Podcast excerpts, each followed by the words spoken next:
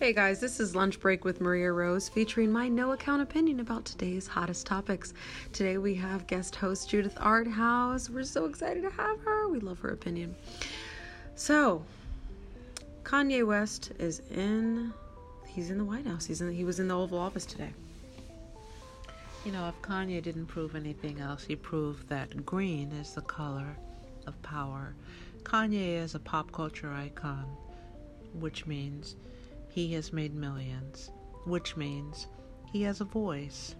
Interestingly, our president also is an icon of our pop culture who has made millions, which means that he has found a voice.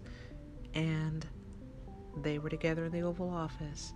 And I think what was difficult about watching Kanye in the Oval Office was that he had moments of incoherency and rambling, and it brought to the forefront the topic of mental health. 100%. We've known since the Taylor Swift incident that he is dealing with mental health issues.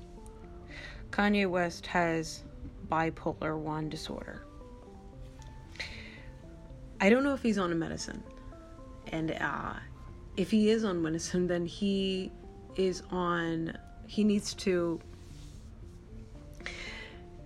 re examine what he's taking because he was clearly manic in the Oval Office today. And it was very, it was very sad to see because he, honestly, I, I felt like his condition was being exploited in a very, very, very inhumane way.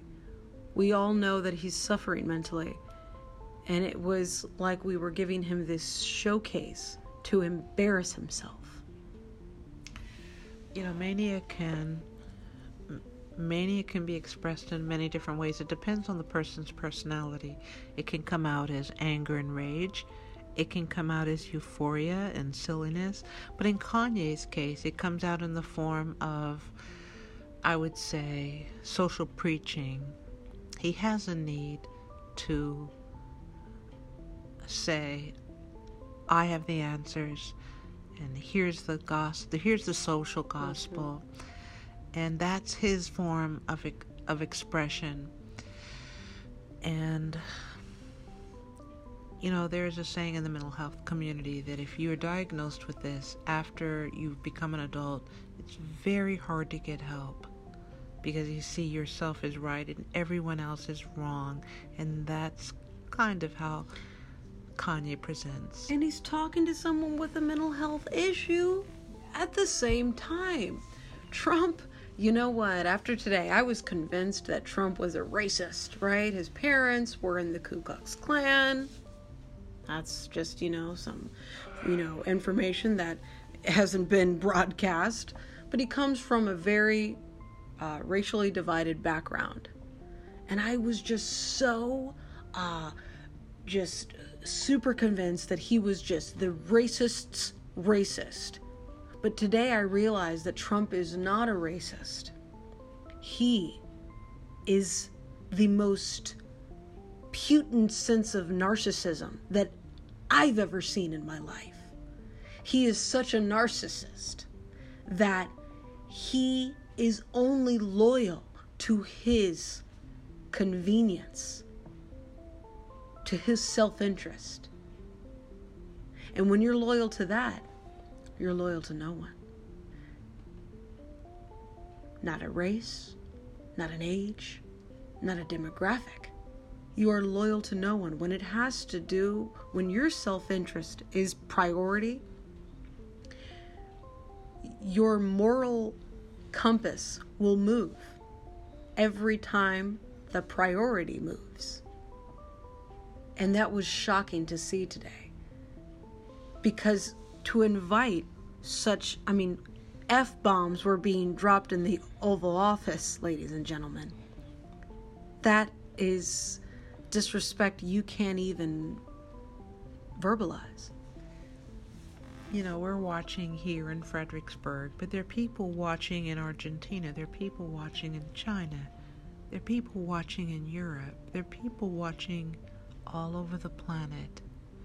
That in the midst of our uh, uh country's crisis, which is Hurricane Michael, that there was a gaggle of photographers in the Oval Office covering what amounted to two pop culture icons who both have mental health issues. It was a pop culture circus.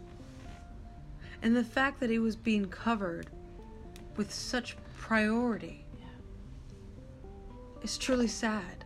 It's truly sad. There are people fighting for their lives in Hurricane Michael. And yet, our news coverage couldn't get enough. And honestly, this I, I think this this deserves some self-reflection of our own news cycle. How in the world does this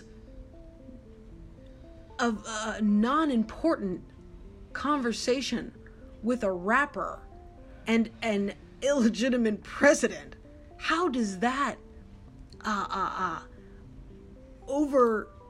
overstate the happening of a deadly hurricane. How does that happen? Well, you know, the American uh, Motion Picture Academy became great during the Great Depression, and that's because when people are going through great trials, they are looking for great diversions, and and and and in a strange way, watching Kanye and President Trump in the Oval Office for a split second took our mind off of everything else. And that's it, what does. it does. it, it, does. But you know but our mind needs to be on. It, it needs right. to be on. And, right. and and you're right. You're you're totally right. You're totally right.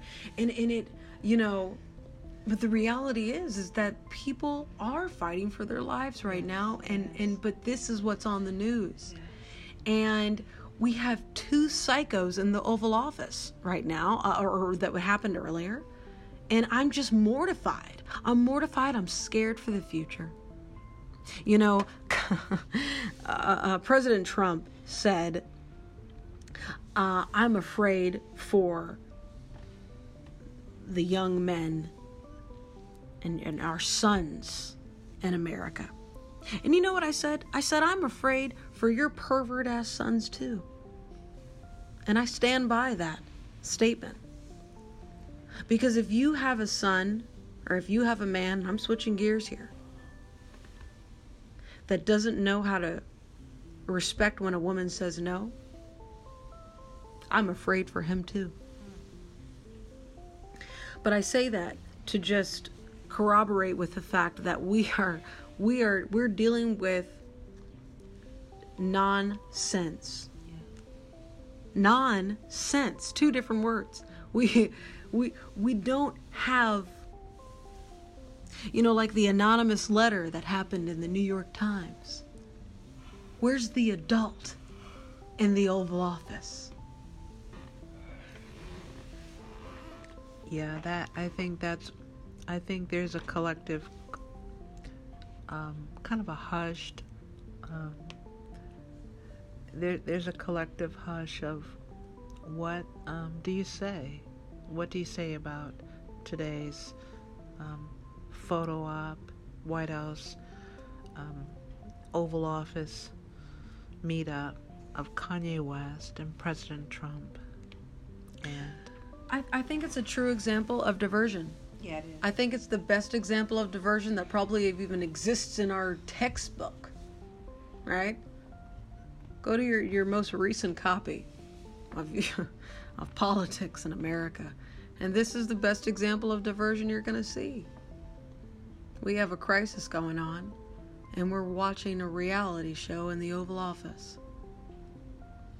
You know, it's this is where we're at. This is where we're at, and all we're doing is we're we're just uh, commenting on today's today's news. This is Maria Rose. Lunch break. You know what we're doing. We're giving our no account opinion. We keep it real. We keep it funky. We're all a work in progress. We're all trying to become better day by day. And this is, of course, our no account opinion. Thanks so much for listening.